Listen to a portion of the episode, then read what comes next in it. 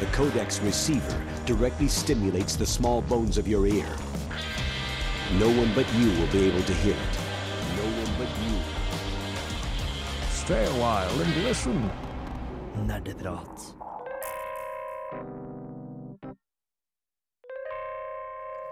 Hei og velkommen til oss, Spill, spillmagasinet på Radio Volt, Nerdeprat her. Eh, I dag skal vi snakke en del om mobilspill, og hva vi syns gjør et godt mobilspill. Og hva vi sjøl spiller mobilspill. Og litt om pay to win. Og not pay to win. Eh, jeg er Steinar Ottesen, deres programleder, og med meg i studio i dag har jeg Chris. Teknikeren vår. Hei, hei. Som prøver å teknikke, men samtidig ikke får det til. For det er så lenge siden. Sorry. Og så har jeg med meg én gjest. Ja, hei. Jeg heter Martin. Så har jeg med en gjest til. Hei, jeg heter Torstein. Og så har jeg med meg Og så bare en. Og nå skal vi gå på en låt som du hører litt i bakgrunnen allerede. Det er 'Closing Shot' av Lindstrøm. Så kommer vi tilbake med mer om mobilspill etterpå.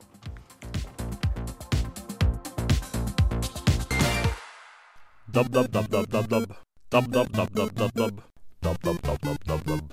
Dab, dab, dab, dab, dab, dab. Nerdeprat er på DAB-radio. Dab, dab, dab, dab, dab, dab, dab, dab. Ja, da tenkte jeg at vi skulle høre litt hva folk har spilt i det siste.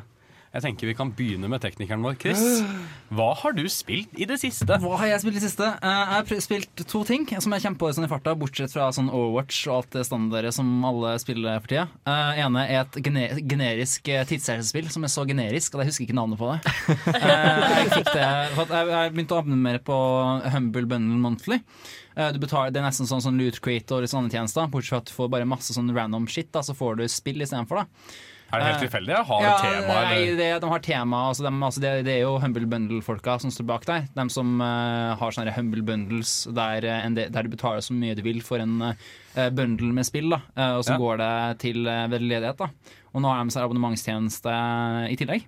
Okay. Og da, hvis du har spill fra før, så kan du gi bort en nøkkel til noen. Og da går det til Steam, eller? Nei, det går til Vanligvis så velger de igjen sånn charity hver måned. Ja. Eh, og så går det til dem, da. Eh, så nå så var det et, Soma, det nye skrekkspillet, fikk jeg. Og så var det sånn fem andre random spill jeg aldri har hørt om. Inkludert det generiske tidsreisespillet. da Ja, skjønner. Eh, Så da, i fremtiden så var alt blitt ødelagt, og så har det kommet en professor fra fremtiden som sier at 'å nei, alt kommer til å bli ødelagt, du må gjøre noe', og så gjør det noe, og så innser du at det var du all along. Da, da, da. Sona har vi faktisk snakka om på sending før. Jeg snakka en del om det sånn uh, sammenligna med Star Trek og sånn. Naturligvis gjorde jeg det. Hva er det for noe? Jeg har aldri skjønt det. Altså, det er egentlig altså, Det er klassisk sånn nesten en walking simulator. okay. Bare at det er satt eh, til en sånn eh, forlatt rom Eller flere forlatte rombaser, da. Sånn nett, nei, ikke rombaser, men sånn baser på jorda, sånn under eh, vannet. Og så må du reise gjennom det og finne ut hva som skjedde med folk, og, og så er det sånn monster som kommer etter deg. Nei, jeg hater når monstre kommer etter meg. Jeg liker det ikke. det er dritskummelt. Og du har ingenting å, å defende deg med, for det er samme folkene som laga Amnesia. Åh, nei. Se for dere Amnesia liksom på en flatt, sånn futuristisk base, da. Hva var det du kalte sjangeren? Var det walking simulator? Ja. Walking Altså- horror simulator. Er det en, Det, er det, det en er, det er en sjanger. Altså, det er mange spill der uh, basically det eneste du gjør i hele spillet, er at du går litt, og så uh, skjer det et eller annet rundt deg, og så sier det «Hm, 'interessant', og så går du videre. Ja. Og det er hele spillet. Uh, Ok, fordi walking simulator, så tenker jeg sånn goat simulator, bare med at du skal gå. Men uh, greit, da skjønner jeg. ja, det, er blitt en, litt for, en ting som skjer litt for ofte nå. Jeg tenkte med en gang Kvapp, eller hva det heter. Det der, Ja. eh, Nei, nei, å gud, det er skjær- kjørtortur i høyeste grad. Der du skal prøve å få den maratonløperen til å løpe med, piltas, med kvopp, og der du styrer en ankel og leggmuskelen og Nei, no. Nei, men det er litt sånn Det blir nesten litt feil å kalle det en walking simulator, da, for det er mer enn det. Det er mye mer enn det. Det er nesten en puzzler. For det er en del sånne gåter som du må løse etter hvert. Blir det veldig likt som Adrift, da, som kommer, har nettopp kommet ut? I liksom det at det er satt i verdensrommet. Bare at det er ikke så mye skummelt i Adrift, som jeg har forstått. Det er ikke satt i verdensrommet, da. Ah, ok, så det var romstasjoner. Men ok, ja. Nei, jeg sa feil når jeg sa romstasjoner. Jeg tenker på et helt annet spill som jeg skal si, si noe om etterpå. Anyway, uh, Soma var et spill jeg kjøpte, men jeg har ikke spilt det ennå. Uh, men uh, jeg fikk spilt det eh, skikkelig uh, stereotypiske eh, tids, time travel-spillet. Og så fikk jeg også spilt The Beginner's Guide. Eh, som er Oh, av skap, ja, eh, laga av skaperne av The Stanley Parable, som er veldig sånn uh, Bryter den eh, fjerde muren og er veldig og bare leker litt med spill med det. Mens her så har han liksom gjort noe litt annerledes. Han tar for seg uh, at han kjente en Keys før, da, som laga skikkelig rare spill. Uh, og så Uh, prøver alltid å ha noe et sånn skikkelig interessant konsept i hvert spill. Da. Så går det på en måte en reise da, gjennom alle denne kompisene sine spill. da Og så på slutten så er det sånn Å nei, eh, jeg fucka opp eh, spillkarrieren til han her. Har jeg gjort noe galt? Og så er det masse spekulasjon etterpå da om det her bare er kødd. da Spoiler alert. Om det her bare er dritt. Ja, Men uh, Spoiler but not so much spoiler but not spoiler. Yeah, yeah. Mm. Forklare spillet, men ikke Altså det, Du kan sitte og konspirere så lenge man vil. på en måte En av de største argumentene for, eksempel, for at hele greia er made up, er at eh, han har jo basically tatt bare alle spillene hans og lagt ut til salgs for en sånn hundrings. Eh, og, ikke sant? og han har visst ikke hatt kontakt med personer på flere år. da Så han kunne egentlig liksom bare ha solgt spillene uten å ha fått tillatelse. Så Jeg liker konseptet for det, da. Det er Ja, veldig, eh, veldig kul uh, følelse å gå gjennom den Ja, historien. det er veldig kul kul opplevelse som tar deg sånn tre-fire timer. Så anbefales veldig å spille gjennom. Uh, Det var veldig kule konsept som var tatt opp. Du da, Martin. Hva har du spilt siden sist? Ja, Um, Nå har det ikke vært så mye tid til overs siden sist. Uh, eller siden sist er det noen stund siden, da. Men eh, du sånn hvis det tenker det siste? Er vel med å spørre om, da. Um, jeg har hovedsakelig vært innom tre spill. Uh, jeg har plukket opp Tropico 4 igjen, fordi jeg så at det var gratis Ja, fra sånn. Humble Store. Men så viste det seg at jeg hadde jo Tropico 4 fra før, så jeg bare begynte å spille Tropico 4 litt på ny. Um, bygge ditt eget lille diktatorparadis i Karibien og prøve å ikke bli eh, altfor god venn med USA eller eh, Sovjet, fordi da knuser den andre deg. Um, ja, og så Basically så bare kollapsa hele staten til eh, hemmelig politistat, hvor uh, militæret har det veldig fint og alle andre har det helt jævlig, men det var ganske, ganske realistisk, da. Eh, så jeg spilte litt, litt City Skyline. eh, Fant ut at man har mulighet til å lage egne maps. Eh, og herregud, de detaljene du kan legge i kartene. Uh, og så brukte jeg så lang tid og gledet meg så til å bygge denne byen, og så fant jeg at jeg hadde jo lagt alt sammen en, lite, en liten evighet utenfor der hvor selve byggen var. Da. Så jeg hadde jo ikke mulighet til å se på det når jeg en gang hadde begynt å bygge på kartet. Men uh, ja, det gikk en del timer der. Jeg er glad i å designe veldig intrikate veisystem, og så innse at jeg er ikke egentlig så interessert i å bygge byen. Så det, det er litt sånn micromanaginga til Sims, men bare enda mer. Ja. Men det, det passer Oh, meg no. eh, strålende. Jeg er sånn, litt sånn er interessert i å lage simmer og er interessert i å bygge hus, men du er ikke så interessert i å spille resten av Sims. på en måte Ah, ok, det er det som er greia. Men det er veisystemet Aldri- og togsløyfen og det her som er det artige. Det er, det er der du kan gjøre skikkelig kule ting med tunneler og broer. og- Ja. Og så har jeg eh, vært innom Legion, eh, nyeste expansion packen til WoW. Tatt en titt på det, siden jeg var en veldig yoga Yuga WoW-fan en gang i tiden. Um, og positivt overraska. De har gjort mange ting som var bedre enn forventa, så det har vært deilig å liksom ha et avbrekk med et par timer med story på kvelden. Så ja. Det har vært min tid i det siste. Ja, dægeren. Vi er en del folk i studio, så jeg tenker vi kjører en låt til ehm, før vi går videre til hva vi andre også har spilt i rommet. Så nå får du Who Nei. Wow. wow. Wow. I'm in space, Cuba. Av Jake Hoffman, som er for så vidt yndlingsartisten til Torben. Hey. In case you didn't know.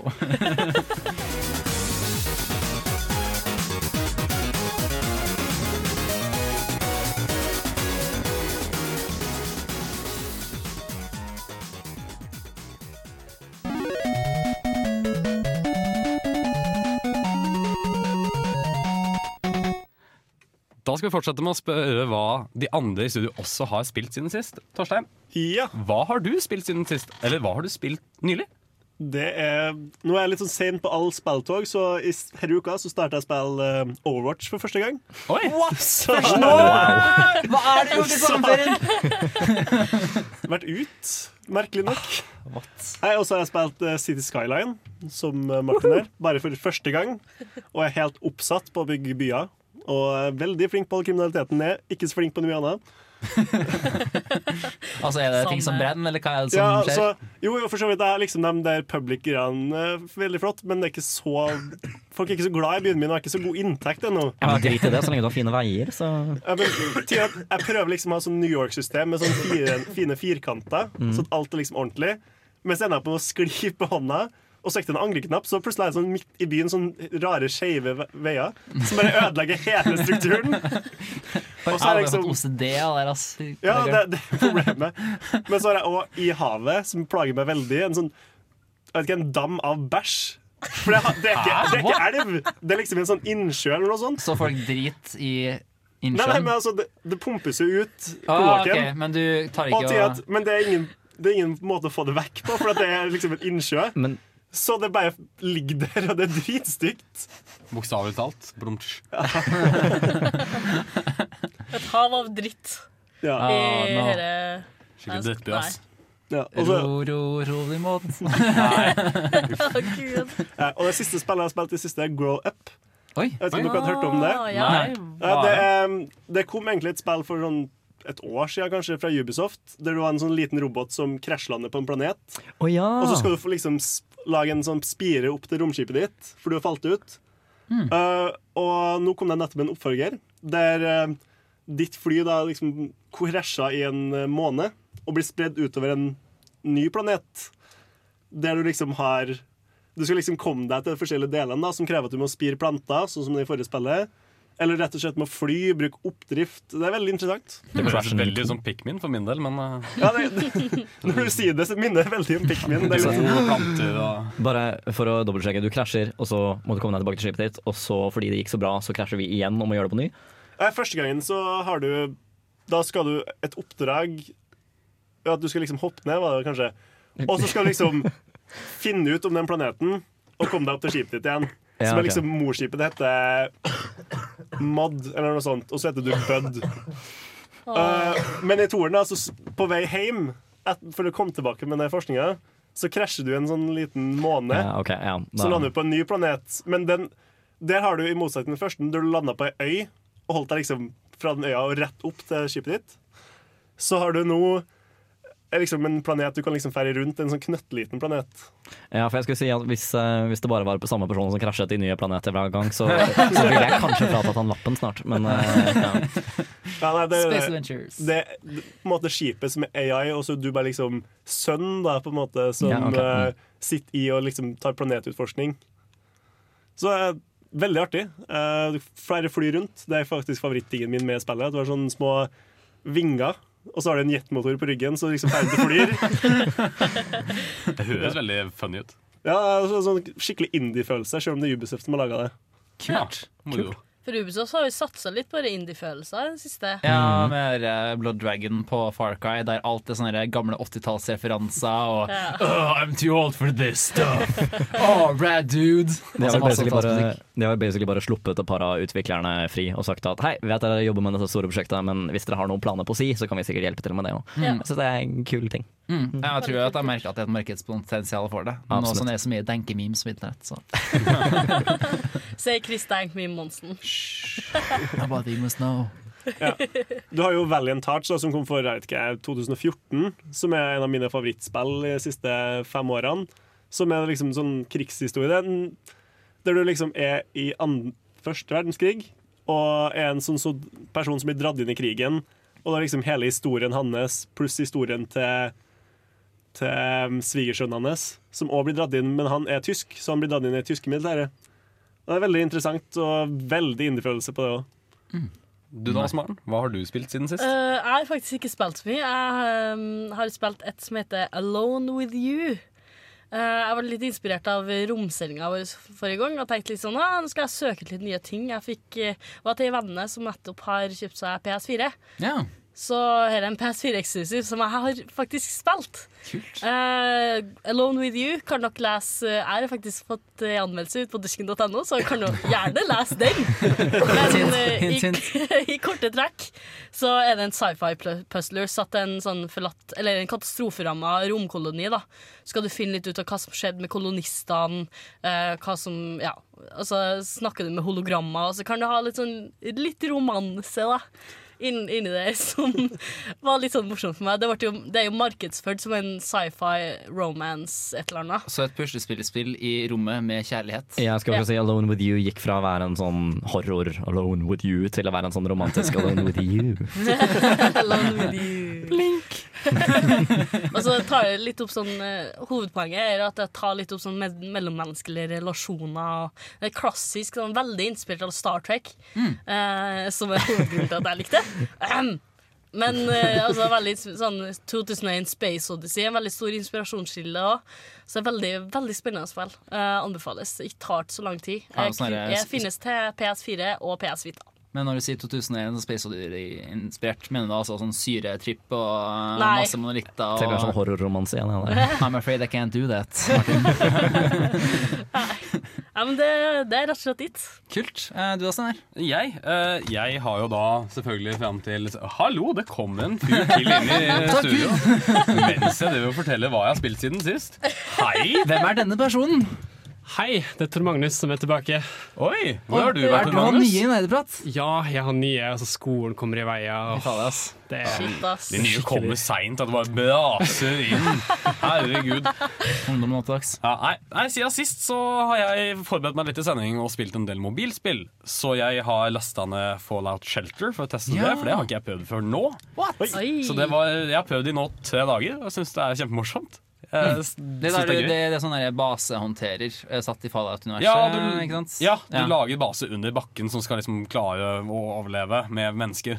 I postapokalypsen. Ja, ja. Og du må lage strøm og mat og drikke og underholde faenskapen, holdt jeg på å si. Atomvåpen er grusomt. Røkla. Ja. Hvor lenge har det her vært ute?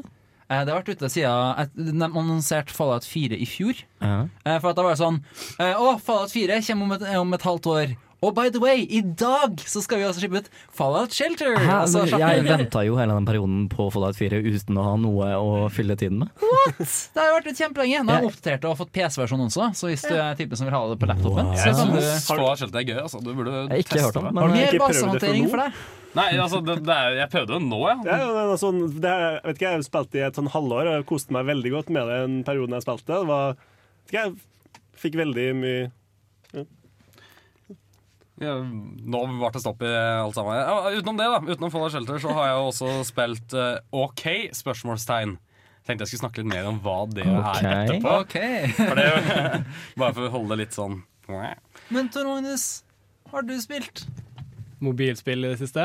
Nei, Hva som helst. Hva har du som helst. spilt? Hva jeg har spilt i det siste? Siden sist. Jeg vet du, jeg har faktisk begynt å spille Phoenix Wright, Spirit of Justice. Som, Å, nyeste som har kommet ut nå? Ja. Kult. Det, det når alle forhåpninger så langt. Det er helt fantastisk. Det er der de har den kisen som er i rettssaka, og så sier han 'objection'! Og så er det sånn masse japansk drama. Og håret og ja, ja, ja, alt det der.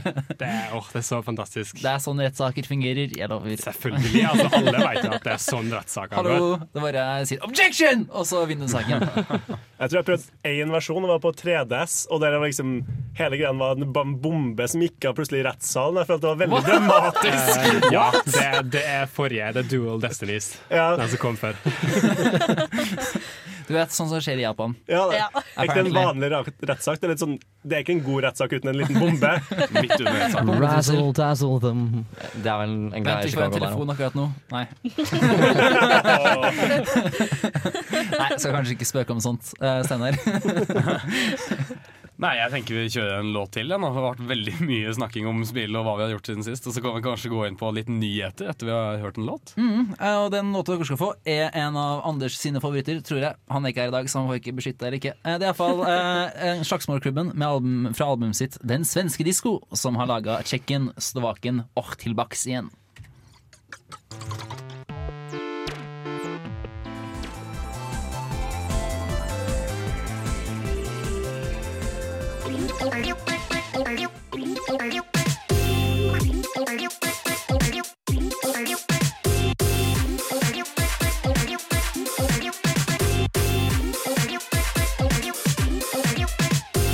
Nerdenytt. Og da skal vi få Nerdenytt med Åse Maren. Hva slags nyheter har du til oss i dag? Ja, det har skjedd en del. Det er jo Tokyo Gameshow og alt mulig, så vi har fått en del nyheter. Eh, litt positive, litt negative. Jeg tenker jeg tar et par nå med en gang. Eh, minste nyheten her, som samtidig er litt sånn shit, er at League of Legends nå har 100 millioner spillere. Oi, Som er nesten 1,5% av verdens befolkning. wow. Jeg bare skriver, I notatene mine har jeg bare skrevet 'what the actual fuck'. Millennials nå til dags.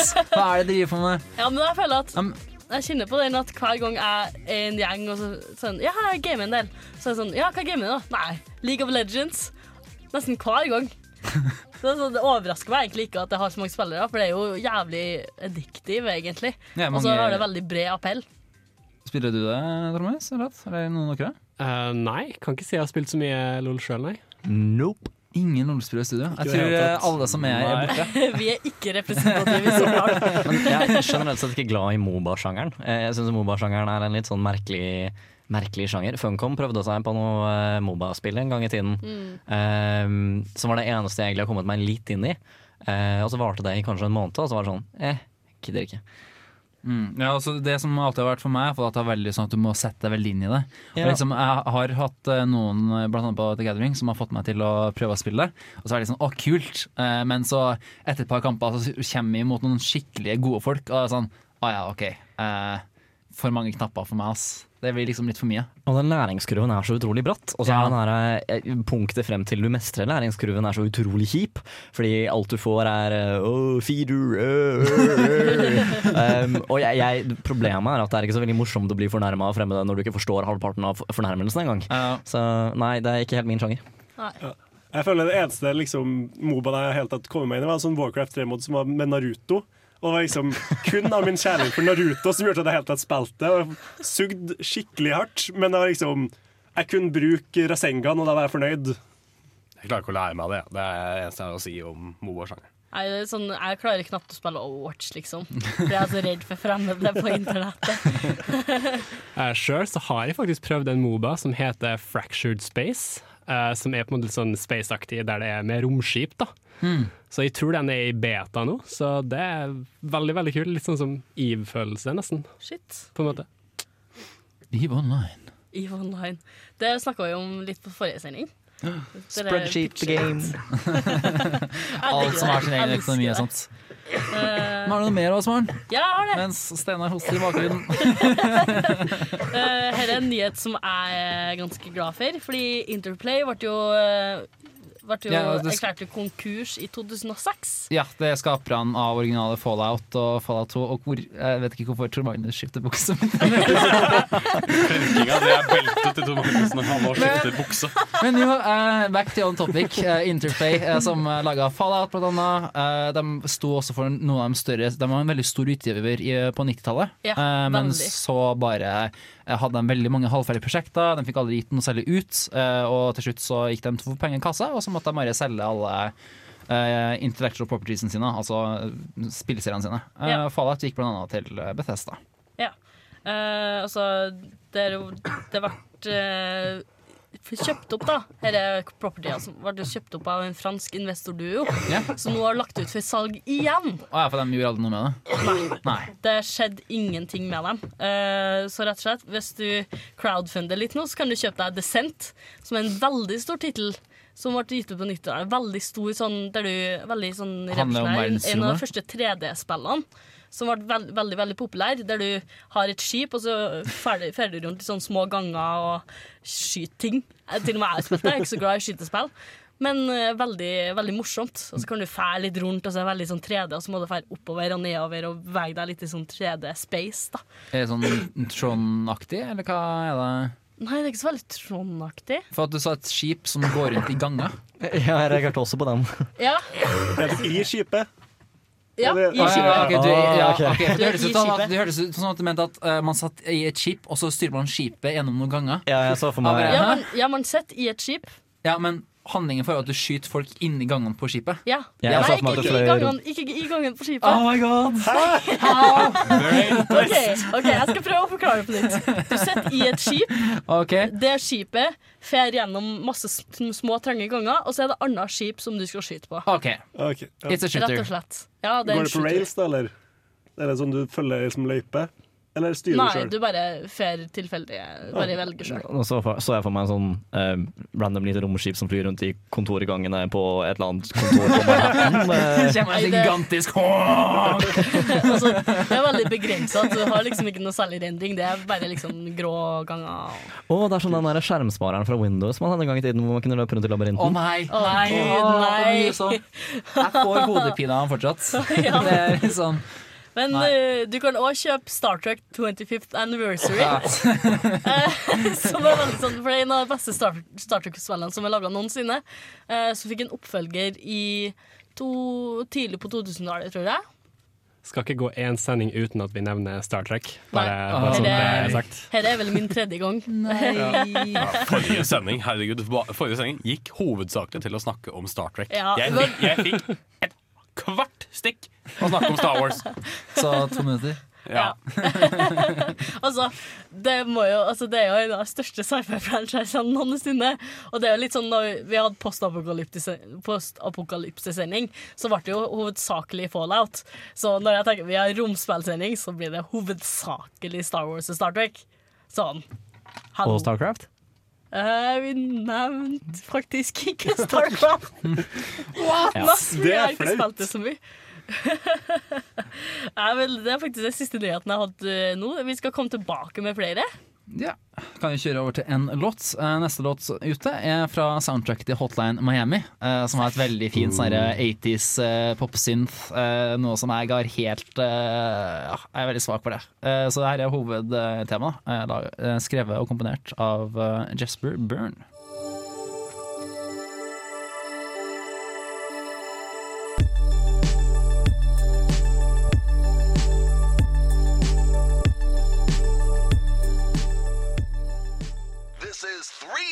Dog, Ow! and you're listening to Galaxy News Radio, bringing you the truth, no matter how bad it hurts. Og nå har vi enda mer nyheter, har vi ikke det også? Ja, det har vi. For nå skal vi snakke om litt triste ting, nemlig. At eh, det har blitt noen utsettelser. Nei! Først og fremst, dette jo, tror jeg alle har fått med seg, Last Guardian har blitt utsatt igjen. Last Guardian. Jeg har ikke hørt om Last Guardian. Jeg har bodd under en stein. Hva er det Last Guardian? Vet du Jeg har fulgt med veldig lite på det, fordi jeg er ikke så interessert i Det er en PS4-eksklusiv uh, som er litt sånn eh, Jeg så en trailer, og da fer du rundt med en enorm horn-katteskikkelse, og den i ruiner og whatever. Det er fra en veldig kjent utvikler. Utvikleren er berømt, også det må bli bra. De som laga Ico og Sheriff Colossus. Ja. Hvis noen som har spilt spiller den. Veldig, Veldig, veldig- Der du fer rundt på en hest og kjemper mot Colossus. Ja, stemmer. Veldig kritikerroste spill generelt. Eh, Veldig, veldig kjent utvikler, da. Så nå har det blitt utsatt til Skal vi se, da. Det blitt utsatt til 7. desember 2016. Så det ble i 2017, da. Men eh, er utsatt med seks uker totalt. Ja, Og det, er jo sånn- ikke så ille, da. Det er ikke Nei, så ille. sam, Sammenlignet med at det var annonsert i 2009, og så ble det radiostilt i hva, seks år, så føler jeg det ikke så ille. Nei. ja, og så har du jo folk som for eksempel Nintendo som bare Å nei, vi hadde så mange ideer at eh, nei, eh, vi må bruke litt mer tid. Eh, sånn to år.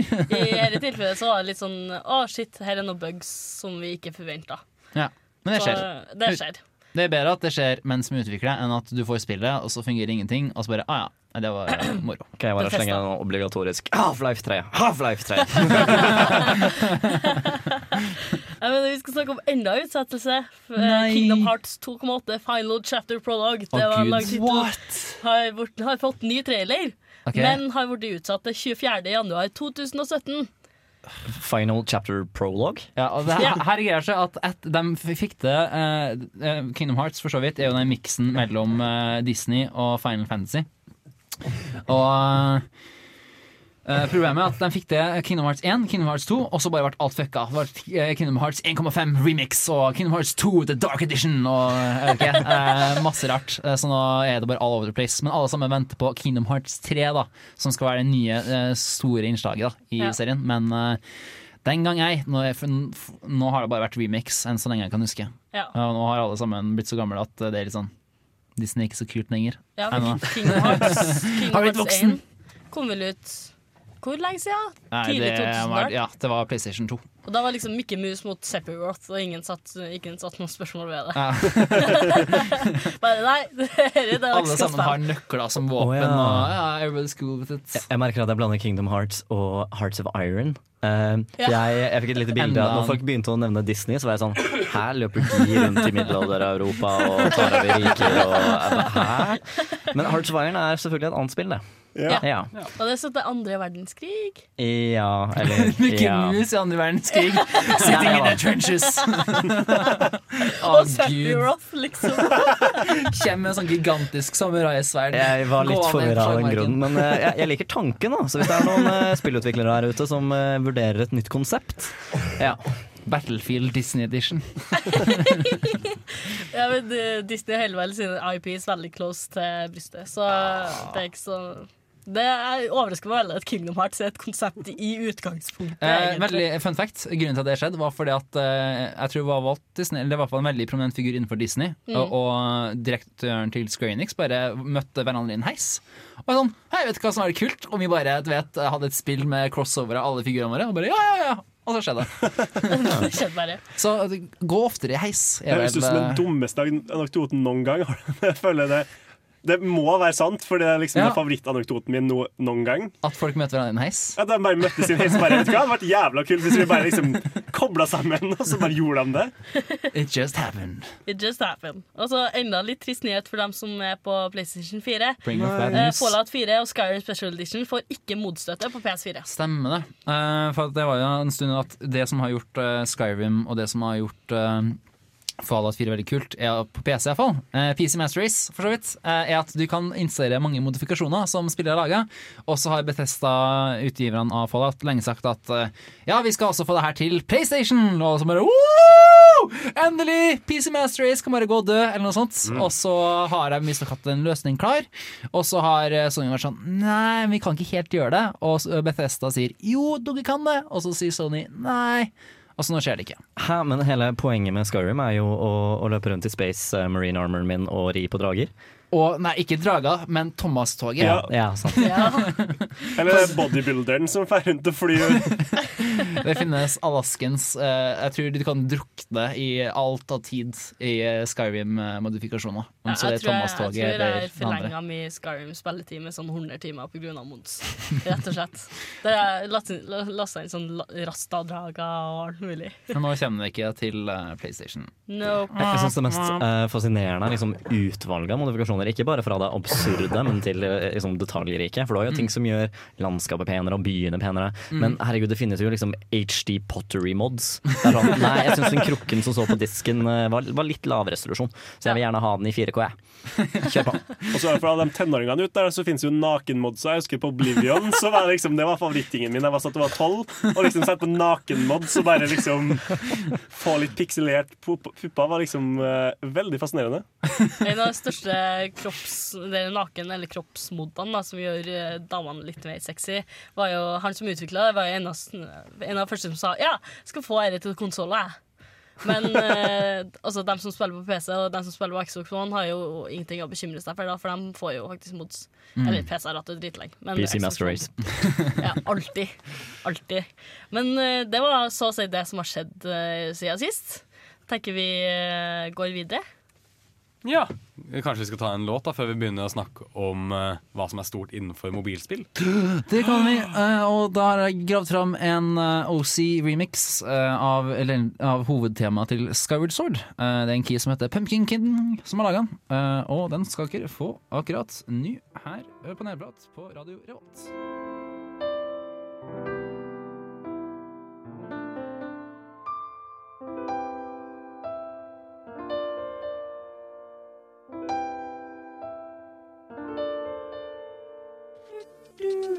Nerdeprat på Radio Revolt. Og hva er det som faktisk er stort i spillverden på mobil? Vi kan jo begynne litt med Pokémon Go, kanskje? Ja. Siden det er liksom det åpenbare store mobilspillet akkurat nå. Er det mange her som spiller Pokémon Go enda? Fortsatt aktivt? Og så må han veive en hånd. Jeg, bes- jeg kjøpte faktisk dere accessoryet til Pokémon Go, dere Pokémon Go Plus, som skal vibrere når det er Pokéstop eller Pokémon i nærheten. Så kan du bare trykke på en knapp, så spinner det Pokéstoppen eller så fanger Pokémon for deg. Så jeg tenker når jeg får det om nøyaktig to dager, så skal jeg spille masse Pokémon Go. Men jeg skjønner ikke greia med den, fordi mobilen din kan også vibrere når du er i nærheten av et pokestop. Ja, men da må du ha opp appen. Må du ikke ha opp Og appen du må for jo ha opp appen uansett, må du ikke? Nei, men Da kan du bare ha den i lomma, Ja, men det er jo det jeg gjør. Og så tar jeg den ut Kan du trykke på en knapp? Det er verdt 500 kroner! For 500 kroner! 500 kroner! Alle, Nei, nei, nei, det var det, det var det, alle det. lose their shit. Men sånn serr, det, det ser ut som, som sånn fiskebob. Den er ganske kul. Jeg syns den er veldig fancy. Jeg syns ikke det. Det ser ut som en skolisse Den ser forferdelig ut. med Ja, en den sånn dråpeforma Pokémon-greie. Nei, men du kan ta av dere sjølve dingsen og sette det mm. på jakkelomma. Ja, sånn. syntes at Pokémon-design har vært litt kult. Da. At det, er liksom, uh, det kunne jeg liksom tenkt å bruke av og til. Ikke. Ja, altså Pokéball, altså rød og hvit, liksom? Og svart? Nei, bare generelt eh, sånn klesstil, uh, design på enkelte ting. Jeg syns de har klarer sånn estetikk veldig pent. Mm. Uh, Det er enig, Jeg syns enig ikke men ikke pent. akkurat på den. Men uh, nå kommer jo den samme funksjonaliteten til Apple Watch. Og det ble annonsert på den Apple-konferansen som var forrige uke. Og jeg har jo Apple Watch, så jeg tenker jo liksom hoppe over den wearen veldig lett for liksom bare bruke min Men sier du at istedenfor å bruke 500 kroner for å få noe annet til å vibrere eh, enn mobilen min, som allerede gjør det, så kan jeg heller investere 6000, nei 8000, for å få klokka mi til å gjøre det? Ja! Shit! Jeg skal akkurat til å kommentere at hvem faen kjøper Apple Watch? Og så sa jeg ah ja, du hadde det, ja. Ja. skal jeg, ja, da så. Den er dessverre på reparasjon, derfor for jeg knuste den. Men uh, bortsett fra det, så er jeg veldig fornøyd. Men Ja, godt gjort. Det Det er kommer, bra. et, eh, kommer det ikke Nintendo-spill til Apple Watch? Eller har jeg Det kommer Nintendo-spill til eh, Apple. Eh, Til Apple, nei, ja, altså ja, men til iOS? generelt, Ja, iOS, da. Ja. Uh, de uh, vi kan jo for så vidt gå litt over til det, siden vi snakker om uh, hva som er stort innen mobil. Eh, Mm. For at det ble annonsert nå på konferansen til eh, Apple, når de annonserte eh, iPhone 7. At uh, nå skal, så kom plutselig Shigeru Mimoto ut på scenen og bare 'Hello, everyone!' Og så, og så kom han der oversetteren og begynte å snakke for han. Uh, og da annonserte han uh, Super Mario Go, tror jeg. Super Mario Run Super Mario Run, ja. Ja. Eh, som, er base, som er en uh, slags av Super Mario Bros. eh, bare at du kan spille med én hånd, for at det, Mario vil konstant gå til høyre uansett. Og så trykker du for å hoppe og gjøre ting. da Så det er litt som sånn Subway Surfers, nesten. Som jeg spilte jævlig mye av en periode. Bare fra sida. Ja, bare fra sida, faktisk. Og ikke minst så har han Super Mario. Jeg, jeg ser for meg evolusjonen og hvordan det kommer til å gå videre. Nå har vi Pokémon Go, som ikke fungerer ved mindre du eh, beveger deg saktere enn 20 km i timen. Og så får vi Super Mario Run, som er 20-30 km i timen. Og så etter hvert så kommer eh, Sonic Sprint. Ikke for å ødelegge flowen min, Martin, men det finnes allerede et Sonic-spill som kom ut for kjempelenge siden. Hvor, hvor du løper rundt på gatene? Nei, det kan du dessverre ikke. Nei, da har jeg konsept klart. For jeg venter på Formel 1-versjon. Jeg tenker liksom når du må liksom konstant være i en Formel 1-bil for å spille. Kids må sette seg på sin trimma moped og kjøre av gårde. Vær så god, Nintendo og Apple. Her har dere masse ideer å ta av. New generation of fun. Gotta go fast. For det ser ut som det er flere og flere spillutviklere som satser på mobilplattformen. Ja, eh, det er jo veldig mange grunner til det. Det største er jo at nesten alle i dag har en mobil. Eh, og mobilspill har veldig nytten av at du tenker å lage en eh, veldig god sammensatt opplevelse. Eh, men du kan lage en opplevelse som du kan ta inn stykkevis over tid. For at mobilspillere tar som oftest opp telefonen sin, spiller i fem til ti minutter, og så that's it. Så du trenger ikke å designe et fullt spill med en svær 3D-verden med masse interaktive folk, som ofte er et enkelt konsept som er morsomt å plukke opp av og til. Og i tillegg så er det sånn type For eksempel Flappy Bird. Eh, tok fyren to dager å lage. Er veldig enkelt. Eh, men når du har på ads, så tjener du jo fette mye penger hvis folk begynner å spille. Fy faen, ass. Og eh, Ja. altså Mobil er jo veldig sånn indie developer Det er veldig populært sånn indie-spill. Mm. Det er en del norske utviklere som har eh, tjent ganske fett på mobilspill. Jeg kan ikke nevne navn. Word, Wordfeud. Wordfeud, Ja, ja. De holder til nå på Workwork i Mm. Munkegata. Uh, tjener tror jeg, et millionbeløp i året, tror jeg. Mm. Uh, utvikleren. Ja. Alene. Eh, Du har jo eh, Tomb Raider Go. Det er, mm. sånn, det er veldig mange fine estetiske spill òg. Der de ikke bare lager liksom små opplevelser, men det er liksom du sitter og bare ser på det dødsfine liksom omgivelser. Og du blir liksom trollbundet av omgivelsene mer enn gameplayet, kanskje. Ok, Mm. ok, Kan jeg bare stoppe deg et øyeblikk? Hva er greia med Go? Hvorfor er Go blitt en greie? Hvorfor godtar vi at spill er et annet spill, eller et, et, nytt mobilspill, bare vi legger til Go på Fordi at det er bevegelse. Går, Ja, det, men, men det, det ah. Men, men her er det jo ikke go som at du skal gå rundt på ekte. Det her er da bare go som at du kan spille det on the go. Ah. Så ikke helt det samme som Pokémon Go. Men, men jeg ikke, jeg, ok, nå har Pokémon bare kommet og ødelagt liksom eh, for Hver gang jeg hører et eller annet Go, så ser jeg for meg liksom en reskin av Pokémon, bare med liksom eh, Du er Laura Craft, og så Oi, shit, der fant du en, eh, der fant du en eh, eh, tomb eller et mausoleum som du må plyndre, og så går du videre. Det eh, Liker ikke Go-greia. Jeg lurer hvordan battlesystemet skulle liksom funka på en gym. Er det liksom da du må pusle, må liksom sove før det andre laget gjør det, eller er det Hvordan skulle det funka? Det kunne jo funket. Altså Go-spilleren generelt er veldig godt mottatt. Det er fantastisk. Hitman Go, Tomb Raider Go, og så et til Vet, vet du hva som er felles for alle Go-spillene? Hva da? Your battery goes away. Ah! Ja, men seriøst, det er mitt But for real. Det er seriøst mitt største problem med alle de nyere mobilspillene. At det er veldig mange som begynner å bli veldig avansert. Problemet er at de sluker batteriet som søren. Altså Ja. Du så i sommer, ikke sant? Alle sammen hadde jo en jævla kabel ut av uh, jakkelomma si for at alle skulle ha sånn batteribank for å spille så mye Pokémon Go som mulig.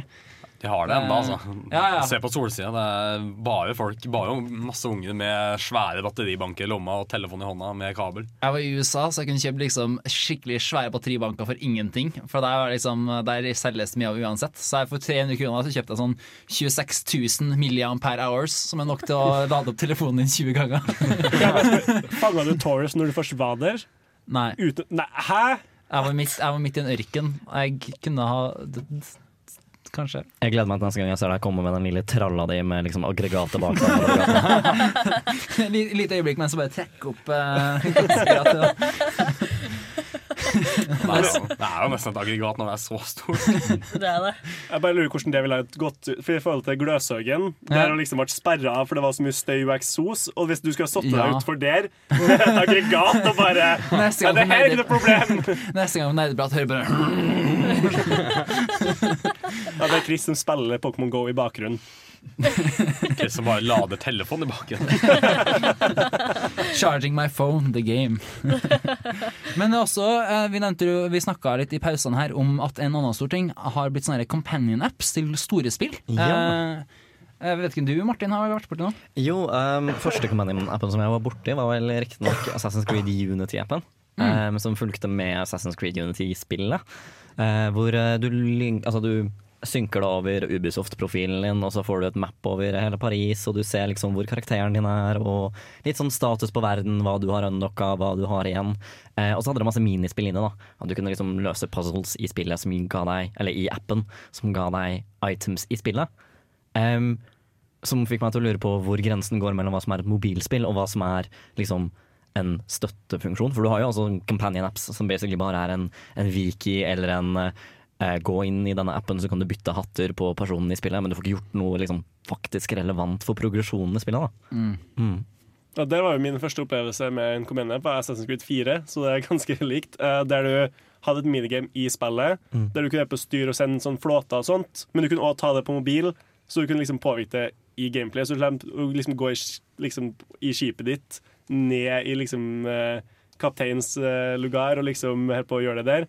Så kunne du gjøre det når som helst, hvor som helst. Ja, fordi um, relatert til det så har jo Blizzard også gjort historie på den fronten her nå. Eh, ved at de, de har jo tidligere hatt mange companion apps som Armory og det til eh, Warcraft fra før.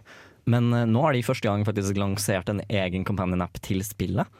Um, jeg har, jeg har ikke prøvd den men jeg har sett den har fått veldig god omtale. Um, så jeg, jeg lurer på om det kommer til å bli mer av en greie. Da, at uh, etter hvert som store spill utvikles som har på en måte overskudd og ressursene til å gjøre det, så får du mer companion apps til spill. At du på en måte du prøver å spre et veldig godt spillkonsept utover flere plattformer og flere deler av spilleren sitt liv for å prøve å liksom fange dem helt i den verden. Altså, første companion-appen som fanga min oppmerksomhet, var jo denne Pip-Boy-appen til Fallout 4. Ja. Den uh, var jo veldig kjekt. Så i stedet for, å trykke, trykke på tab, så kan du pause spillet, uh, unlock telefonen din og ferde gjennom Pip-Boyen, som er en sånn uh, Ja, der du Inventory, Inventory, ja. management og sånn, og map og radio. Så sykt mye effektivt. Jeg syns fortsatt ikke det er mer effektivt enn å ha en lite armbånd som driver og vibrerer istedenfor at telefonen din vibrerer. Ja, men Istedenfor å kjøpe en liten Nord til 500 kroner, så kan du bruke 2000 kroner for å få den offisielle Pip-Boyen printa ut i plastikk, og så kan du putte telefonen din i den, Og så kan du kjøre appen. Eller så kan du Ja, jailbreake din 8000 kroners uh, Apple Watch, og så bruke Nei, nei. jeg gidder ikke å høre på meg. Nei, da, nå tror jeg vi kjører låt. Det er ikke det. Ok, uh, Siden Martin sa tidligere at eh, we got to go fast, eh, så er det eh, merkelig nok eh, Sonic the Hedgehog 2-musikk vi skal høre på. Woohoo! det er Masato Nakamura som har vært komponisten for det spillet, og den låta, eller den melodien jeg liker veldig godt derfra, er Chem Chemical Plant Zone, som for så vidt er en dødskul level. Så hvis du prøver Sonic the Hedgehog 2, så må du komme deg dit. For det er dødskult.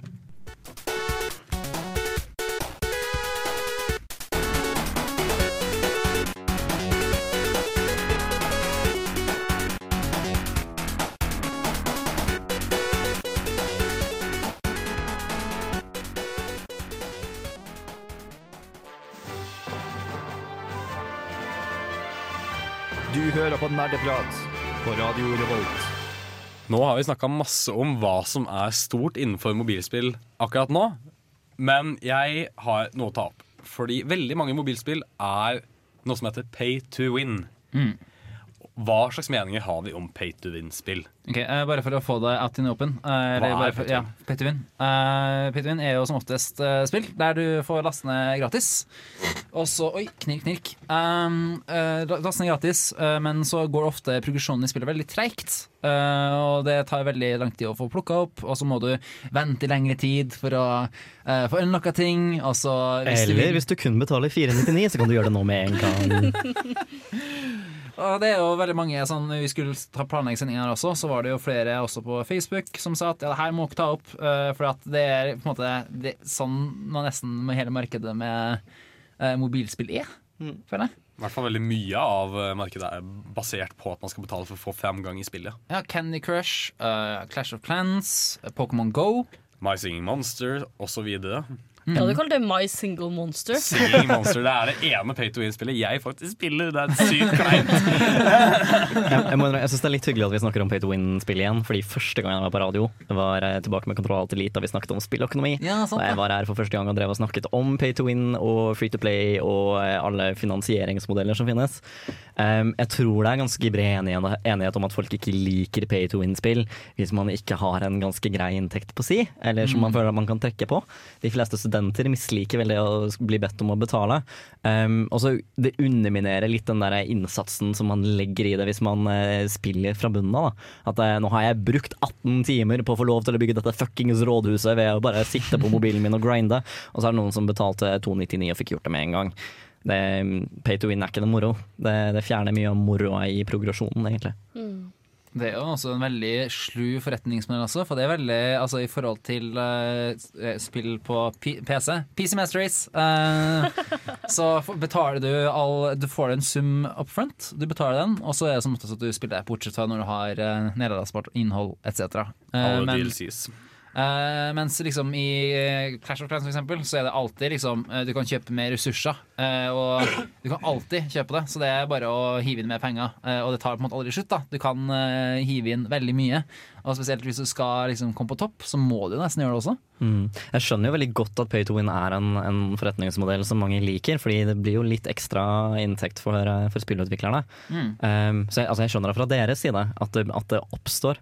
Men eh, nå er det jo også en diskusjon eh, når det går fra eh, pay to win til bare en sånn hvis du har litt ekstra penger, kan du få litt ekstra stæsj som ikke egentlig har noen effekt, men som ser bra ut. Mm. Eh, til når det går til eh, at man ikke har en finansieringsmodell i det hele tatt. Da. Fordi jeg har, sånn Grunnleggende har jeg ikke noe mot microtransactions. Når det er snakk om at du kan få ekstra hatter eller ekstra skins eller hva enn det måtte være. Men med en gang du føler at det er noen andre som sniker litt i køen da, på det å, å, å vinne på spillet, så blir man litt snurt. Um, jeg merker bare sånn Heartstone irriterer meg litt. Um, ikke fordi jeg ikke har mulighet til å få cardpacks på eget vis ved å grinde, men når du kommer en person og har et supersjeldent kort som jeg gjerne skulle hatt, og så har fyren egentlig bare betalt uh, penger for det. Jeg, jeg kan sitte og godte meg over at jeg er 150 dollar rikere, uh, men mm, det er litt kjipt. Jeg tenker ikke helt på, på pay to win-spill som det. For jeg, jeg skal jo krøpe litt i korset og si at jeg har spilt en del av dem. Og, men jeg er ikke den fyren som betaler for spillet. Jeg er en av de spillerne som faktisk spiller spillet til jeg går lei fordi at ting tar for lang tid. Og jeg syns det er gøy til det punktet da ting tar for lang tid å grinde opp til. Eh, Så jeg har spilt Clash of Clans og syns det var kjempegøy da jeg spilte det. Og jeg lagde basen min og eh, angrep andre baser, og ja, jeg var ikke på topplista eller noe i den duren, men jeg syns det var fortsatt gøy. Mm. Og nå spiller jeg igjen det kleine spillet My Singing Monster. Du kan sjekke det opp. Du, er, du skal rett og slett pare monstre som synger forskjellig. og så tjener du penger på at de synger. Som du kan oppgradere Town Hall Pimp til. my monster. Ja, omtrent. Og det blir ikke en hybrid av det du parer. Det blir et random nytt monster. Men det er oppskrift, en wiki, på hvordan å pare dem. Wow. Ja. Ja, jeg vet ikke hvorfor jeg spiller det, men jeg, jeg, jeg begynte å synes det var gøy. OK? Drep meg. It's not a problem, you guys! Ja, men det, det ofte de her spillene gjør, er at de liksom gir deg en sånn der liten sånn startsum av eksempel rubies. Ja. De får deg hekta, Ja. og så er det litt sånn OK, her har du 15 sånn mynter som du egentlig må betale for, men her får du dem gratis. Ja. Så du får liksom kjent på nytelsen at OK, det her skulle være ferdig i morgen tidlig, men det er ferdig i kveld, skal jeg liksom gå videre. Og de, de starter deg på det, men så, lar, så må du liksom da betale for å komme deg videre. Altså, uff da. Du har liksom kjent på nytelsen av å bare hoppe over det. Det- Så de lurer deg til å gå videre. Det er jo en sånn liste over de, de fem stegene for å tjene penger på spillet ditt. Ja. Ehm, skal jeg se om jeg husker det, for det er en stund siden jeg gikk gjennom dem. Men eh, det er jo ting sånn som at du skal ha en, en stigende liksom, kurve på hva som er vanskelig. At det skal bli, kreve stadig mer innsatser. Det er det at du skal få bli introdusert i liksom, valutasystemet, om det er diamanter eller gull eller hva det skal være. Ehm, det er det at du skal læres opp til å bruke det. Den er at du får 15, og så blir du liksom tvunget til å Eller du, du får dem, så du kan bruke dem fritt. Men da har du på en måte lært at å ja, så det var såpass enkelt, ja. Da, da var det kanskje ikke så vanskelig å gå og hente en sum til. Um, så husker jeg ikke de to siste, men eh, hadde jeg visst det, så hadde jeg sikkert vært rik. Um, men jeg føler også det er en veldig stor forskjell på pay to win-spill. Um, om jeg må betale for spillet først, eller ikke. For hvis jeg kjøper meg et mobilspill for penger, at selve spillet koster penger å kjøpe, og så åpner jeg det, og så finner jeg ut at jeg kan betale for å komme meg gjennom spillet, da blir jeg forbanna. Ja, det. Men hvis det, er- hvis det er et gratisspill um, hvor man kan betale for å komme videre, så er det sånn Jeg blir fremdeles irritert, men det er jo litt, et litt annet tilfelle, da. Ja, for når du snakker om det, det er faktisk et uttrykk som ble introdusert av Jim Sterling, som heter uh, fee, to, fee to pay. Der man først betaler en sum up front, og så har man mikrotransaksjoner som kan gjøre at du da vinner raskere i spillet. Altså Screw you, Sterling. Ja, Ubisoft, Ubisoft, Ubisoft. Du blir helt hekta. Ubisoft er jo veldig kjent for det der. Oh my Og så er jeg meg en fyr som sniffa det bare. Men det var faktisk mitt første møte med det var i Guild Wars 2. Når de annonserte at de skulle ha microtransaction, så sa de at det her skal ikke påvirke gameplay, det kun skal være liksom cosmetics og sånn. Og at du kan liksom bruke din in game currency på å kjøpe det her samtidig som du kan kjøpe det med ekte penger. Men så begynte de å introdusere sånn XP-bonuser, sånn dobbel XP og sånt. Og da mista jo plutselig hele fordelen, eller liksom hele greia med systemet. da Der det plutselig kunne liksom komme deg mye fortere frem til makslevel av det. At du kunne bruke etterpeng. Jeg har spilt Guild Wars 2 sjøl, og jeg kan si det at hvis du ikke bruker penger, så vil karakteren din ikke bare se kjedelig ut, fordi du får jo tilgang til så mange kulere farger så du kan dekorere karakteren din med, og sånne ting. Men det er bare hvis du bruker penger på det, da. Så yeah. Womp, womp. Nei, men altså, jeg synes jo det skumleste er at de tar jo så godt utgangspunkt i psykologi. Nesten sånn psykologisk manipulasjon. Det her med endorfiner. ikke sant? Det er akkurat det de nevnte stegene der. Ja. er jo det at uh, Du skal ikke få de endorfinrushene for ofte. Du skal spe dem ut, og så skal det bli enda lenger til neste gang. Men når du får det igjen, da, så er det sånn åh, nå vil jeg enda mer. ikke sant? Ja, for jeg kom på de to siste punktene. Ja. Uh, ene er det at du skal kunne få kvantumsrabatt når du kjøper i- in game valuta. Ja. Fordi man liker å føle at man er logisk, og at man har liksom tenkt det av nå Nå er jeg enn smart, penger. Så det er den derre Ja, skal jeg kjøpe 100 gull for eh, 10 dollar, eller skal jeg kjøpe 200 for 15? Det er liksom Det er jo halve prisen, det. Ish. På en måte. For det får jo 50 Ja, ikke sant, og så har du lurt deg selv, da. Um, og så er det den greia med å ha en, eh, en valutakurs mellom ekte penger og det du bruker i spillet. Så at du måte Du går to trinn ut, uten at du connecter pengene direkte til progresjonen. Så er det den derre jeg kjøper ikke Jeg betaler ikke 299 for at rådhuset mitt skal oppgraderes. Jeg betaler 299 for at jeg skal få 1000 diamanter, som jeg så kan bruke for at rådhuset mitt oppgraderes. Men det, det stemmer jo veldig sjeldent akkurat også. For jeg kan kjøpe 1000 diamanter. Men det rådhuset koster 750 å oppgradere, så sitter jeg liksom med 250 igjen. Og neste, da kan jeg heller oppgradere et hus til 300, så da må jeg bare kjøpe 50 til. Men jeg klarer ikke å kjøpe 50 til, så plutselig har du liksom hele tiden en restsum som du har lyst til å bruke. Fordi du har jo liksom kjøp det her, og da føles det for teit å ikke betale litt grann ekstra, sånn at du får benyttet det. Jeg, jeg koblet i et sånt halvt sekund, og det var nesten så jeg hørte at vi var en episode av Luksusfellen eller noe sånt. Ja, det blir sånn. Og så var det det, og så var det det, og så var det det. Og så plutselig så hadde jeg brukt så mye penger. Gullfellen. Men jeg har et spørsmål, fordi Vi snakka jo om Pokémon Go i stad. Ja. Og Pokémon Go kan du også betale for ting i spillet. Mm. Men er det pay to win? Mm, For du kan du, du har ikke så mye å vinne, da. Ja, du vinner at du slipper å gå ut og bevege deg. Ja, og du får jo, altså det øker jo, hvis du ser på det som en XP-boost, du øker progresjonen din med at du kan kjøpe incubators. Så du kan ha flere ting som utvikler seg samtidig. Og det er litt det samme som at du, du sparer veldig mye tid. Du rasker opp prosessen med å utvikle ting. Du kjøper jo ikke Pokémonen, som er, jeg føler er poenget med Pokémon Nei, men du kjøper verktøyet for å utvikle den. Ja. Og så har du Lucky Egg, som hjelper deg å komme deg fortere opp i level, så du fortere kan få de sterke Pokémonene. Fordi og når du bekker level 20, så vil du plutselig der er liksom capen for å få i egg. Så etter der så er det kun liksom hvor høy level du er, som liksom påvirker hvor sterke Pokémon du får fanga. Og da når du skal ta gymma, eller hvis player Battles noen gang blir introdusert, så vil du da ha en massiv fordel foran resten. Mm. For jeg, f- jeg føler at uh, hvis XB Boost i uh, Guild Wars 2 skal telles som, uh, som pay to win, så teller det her som pay to win i, i Pokémon Go. Men ut av interesse, er det noen som faktisk har brukt penger på Pokémon Go her? Jeg skulle akkurat til å spørre om det, for det er noen her i studio som har brukt penger på det. Me. Å meg! Shame. Ding, ding. I, I have the thing. Uh, skal vi se Give it a second, give it a second. Der. Altså, jeg hadde ett mål i livet, å ikke få den der. Ja. Og nå er jeg liksom, nå har du ødelagt det, Uh, Chris. ja. Og da er spørsmålet mitt hva har dere brukt penger på? Og hvor mye penger har dere brukt? Å nei, skal vi pushe gjestene våre til sånt? Ja, jeg syns det. Og så Maren kan begynne, da. For Jeg har brukt ca. 500 kroner. Oi! Og, det, da vi, og da snakker vi ikke om plussen. Snakker vi om noe utenom plussen? Eller? Nei, utenom pluss. OK! Nei, så du fikk ta 1000 kroner, da. Min Apple Watch var i hvert fall, den kjøpte jeg separat, og så fikk jeg tilfeldigvis en fin funksjon i tillegg. Jeg brukte ikke 500 kroner spesifikt for å kjøpe accessories til Pokémon Go. Du har fortsatt kjøpt en Apple Watch. Jo, jo. Hæ, men du, du kunne kjøpt deg ikke, to spill på størrelse med Fallout 4 i Steam. Og det har du heller gjort i Pokémon Go. Ja, men jeg vil heller ha 17 000 skritt på jævla fitbiten min, OK? Og så vil jeg ha incubators. Jeg må ha incubators. Incubate! Ja, du, Incubate! jeg brukte kanskje 150-200 kroner. Uh, og det var ingen følelse som var bedre enn når jeg liksom kunne se at ni eggene klekka samtidig på rekke og rad. Ja. Og bare liksom Du fikk ja. Pokémon etter Pokémon etter Pokémon. Og da kommer jo den følelsen med den der um, endorfinene som bare rusher opp fordi det var så herlig. Oh, ja. jeg liker den følelsen av å vite at jeg har kommet frem til resultatet selv, og at eh, bankkontoen min er 200 og en tusenlapp eh, høyere enn den ellers var.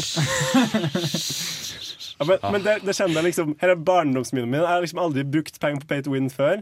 Men jeg bare The Pokémon, så jeg klarte ikke å la være. For det er liksom Det her er barndommen min. man! Det var liksom, når jeg var seks, så tenkte jeg Hva hvis du kunne gå rundt i verden og fange Pokémon? Nå er det her! På en måte. Og da, da kunne jeg ikke gjøre det. Jeg skal være litt fæl. Jeg, synes, jeg, jeg kan ikke helt klare å vri huet mitt rundt det å bruke penger på Pokémon Go. Men jeg skjønner litt de som gjør det i Heartstone og kjøper kort. For det blir jo litt som å samle på ting. La oss si at jeg samler på frimerker.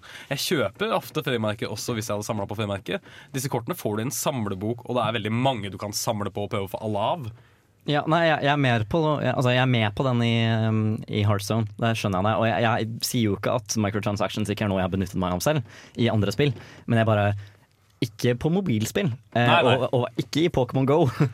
eh, ja. Men den samletingen det føler jeg var veldig dumt. Da, når du, samler, du skal jo samle alle 150 Pokémon. Det er hele poenget med spillet. Det, ja. Men du får ikke det til å gå og bevege deg som hele poenget er? Eller, eller skal du Ja, bare ha hjelp til å Jeg- gå og bevege deg ekstra? ja, altså jeg, bare, jeg samler 150 Pokémon, du samler kort.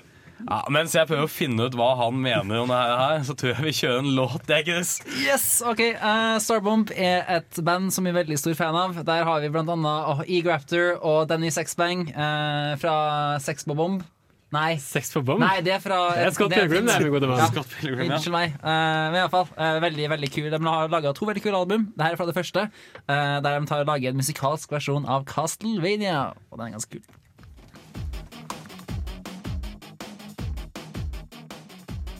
It was a dark and small. Have one at Twister. Um, hello? Hey there, stranger. Ooh, so check me out. Oh dear. Oh, come on, get Target down. acquired. No, no, that's enough. That's enough. I swear, I'll never do it again. Oh, please, no, no more. Ah, ah! Please don't shoot me. Please don't shoot me. It was an accident. Who? Oh, come on, let's get down. Come on, everybody. Oh. Den introen har jeg aldri hørt. On! Ever. Ah, den er magisk. Det er en tidligere nerdeprater som har laga den, og det er jo fra Borderlands, den derre roboten Claptrap. Ja. Eh, og en fra den derre uh, turreten fra Portal. Oh no, skyter- stairs, my only nemesis! No! Det mange, mange innsidevitser derfra. Altså. Oh, nei, det var veldig, veldig moro. Uh, nå skal vi snakke om hva slags mobilspill vi sjøl spiller. Så alle sammen kan egentlig bare ta fram mobilen og finne ut hva i all verden har det på telefonen som er av spill. Er Kahoot et mobilspill? Nei, det?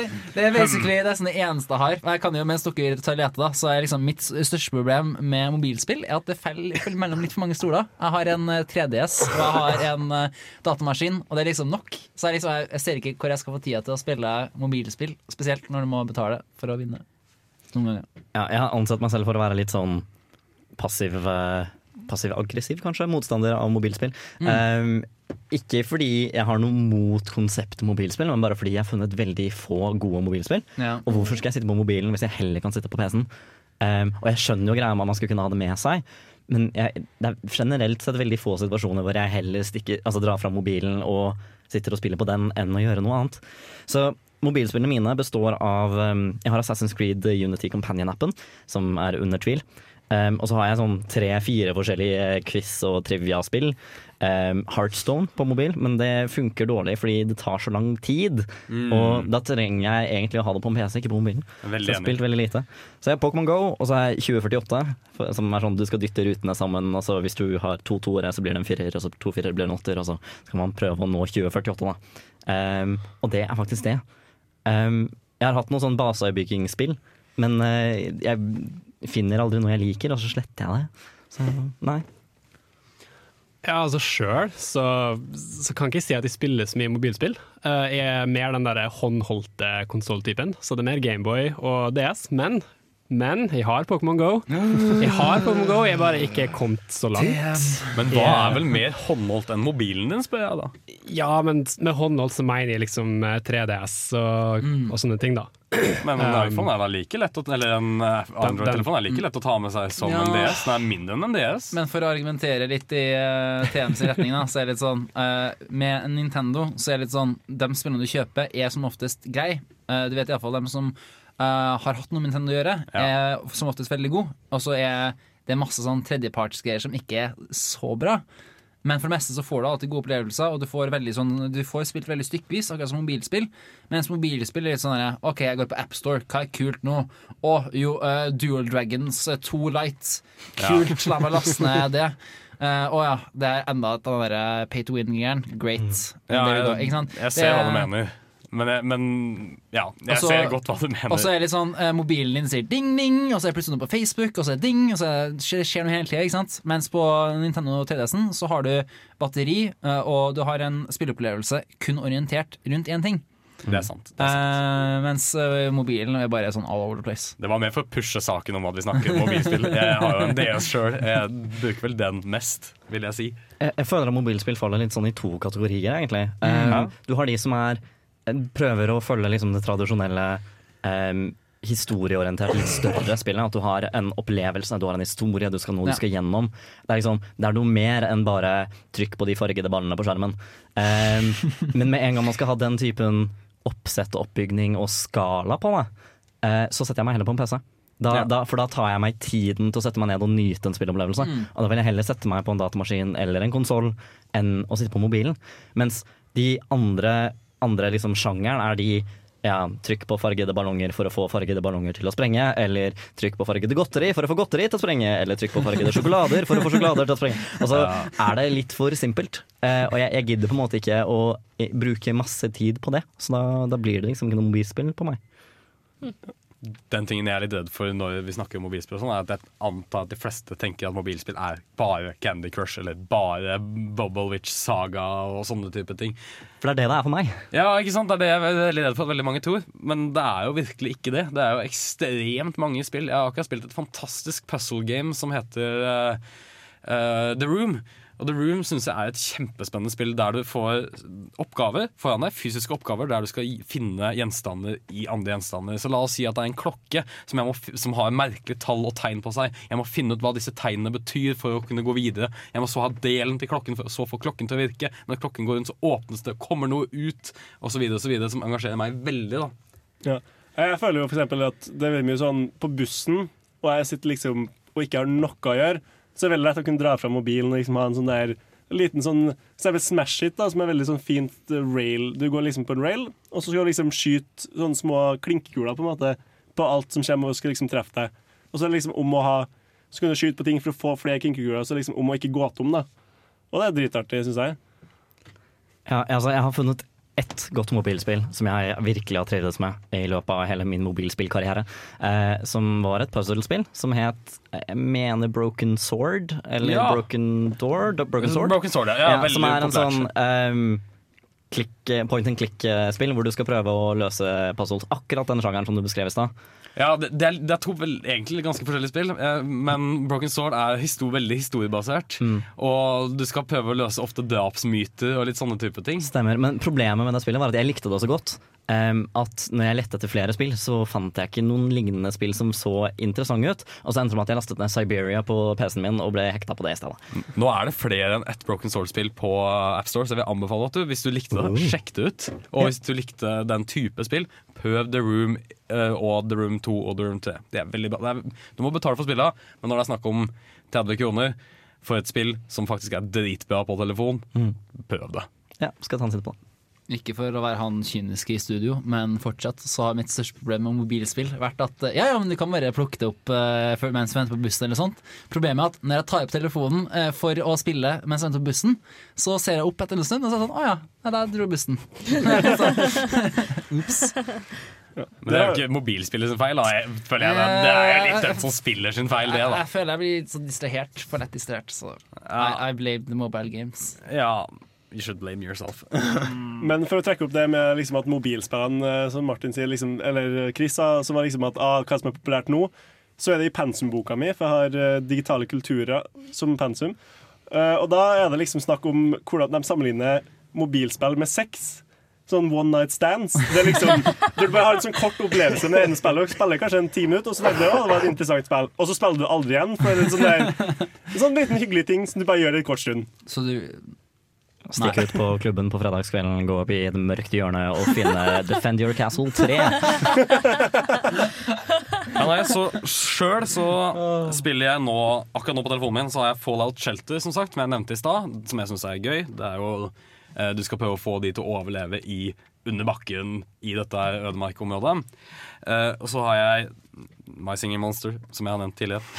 Som fortsatt er kleint å si at jeg spiller. Og så OK, spørsmålstegn.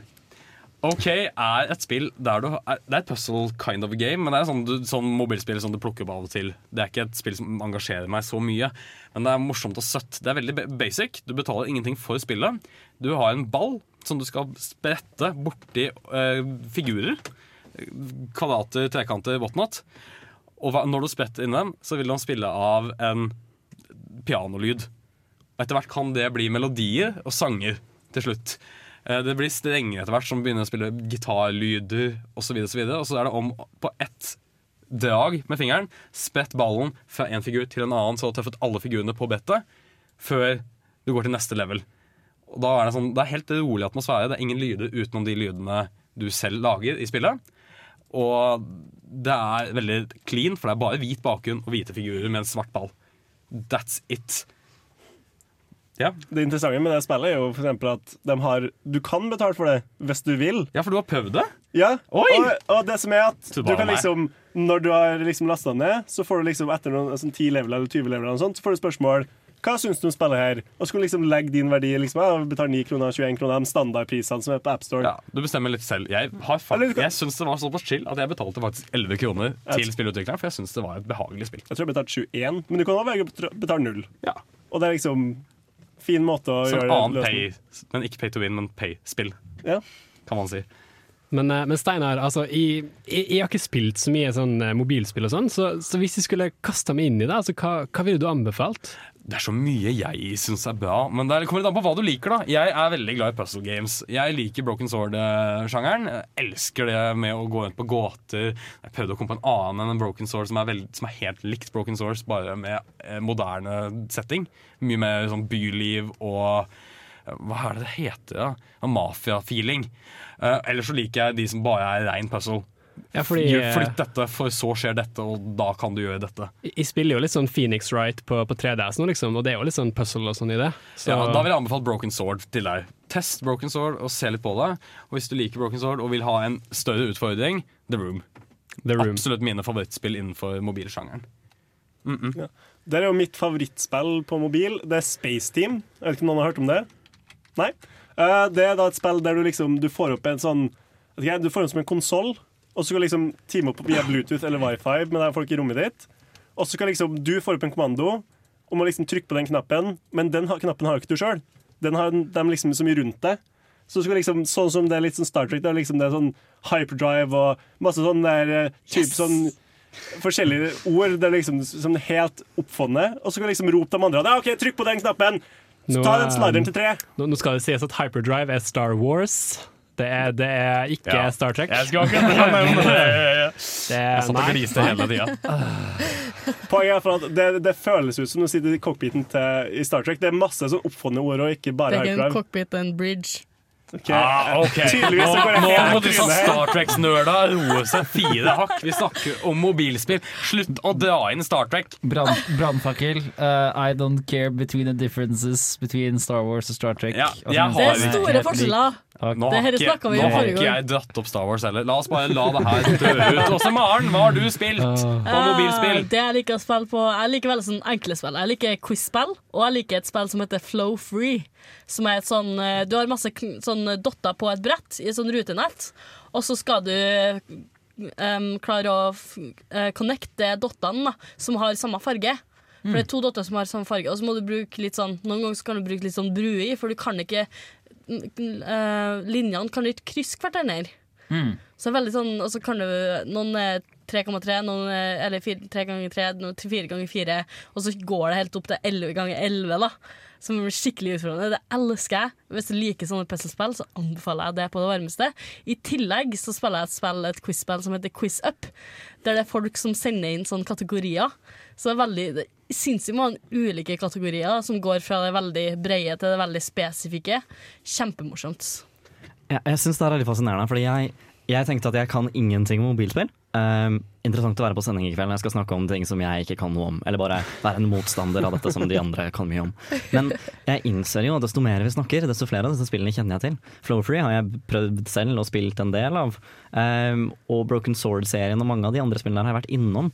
Men jeg innser at med en gang det er mobilspill, så ser jeg ikke på det som liksom et Fullverdig spill? Ja, et fullverdig Ja. spill på samme måte, fordi det, det er liksom ikke samme store greia rundt Jeg setter meg ikke ned for å nyte spillet og gjøre en kveld ut av det, men jeg innser jo at mobilspill er jo så veldig mye mer Det er enn det. det jeg har ansett det for å være. Det er det jeg prøver å dytte frem for de som hører på oss på Nerdeprat akkurat nå. Han Kan det også prøver nevne- mobilspill. Jeg vil også gjerne bare nevne Ingress. Eh, Ingress var, eller er også et sånt spill hvor du går rundt i verden og capper punkter for laget ditt. Uh, Ja. Som jeg synes var, Det var jo så innovativt da det kom, og jeg har liksom tenkt at det er helt unikt, det spillet. Fordi jeg har gått rundt og spilt det her med søstrene mine. Uh, og liksom følt lekt at jeg var hemmelig agent på åpen gate. Men jeg innser jo nå at jeg er bare Pokémon Go i en annen forpakning. så Det er vel der de har henta kartet i Pokémon GO? Det, er det det er de som, det samme folkene som laga det, Mm. Det er de som laga begge spillene. Så de har bare overført dere portalene som du skulle hacke Ingress, det er Pokestops og gymma i Brain Pokémon. blown. Men nå, Chris, nå, Nå? trenger vi en låt. Å, dere trenger en låt? Vi trenger en låt. Hva, Hva har du til oss da? Jeg har en låt. Uh, jo, jeg henta litt fra Mario Kart-soundtracket. Uh, Mario Kart 8. Veldig digg uh, orkester som har spilt. De har jo et eget orkester, Mario Kart Orchestra. Uh, står det kreditert som i spillene. Eh, det er da Kenta Nagata som har komponert, og det er da Big Blue, som er en eh, remake av F-Zero eh, Tracks. Eh, og den får du her nå, på Nerdprat, på Radio Revolt.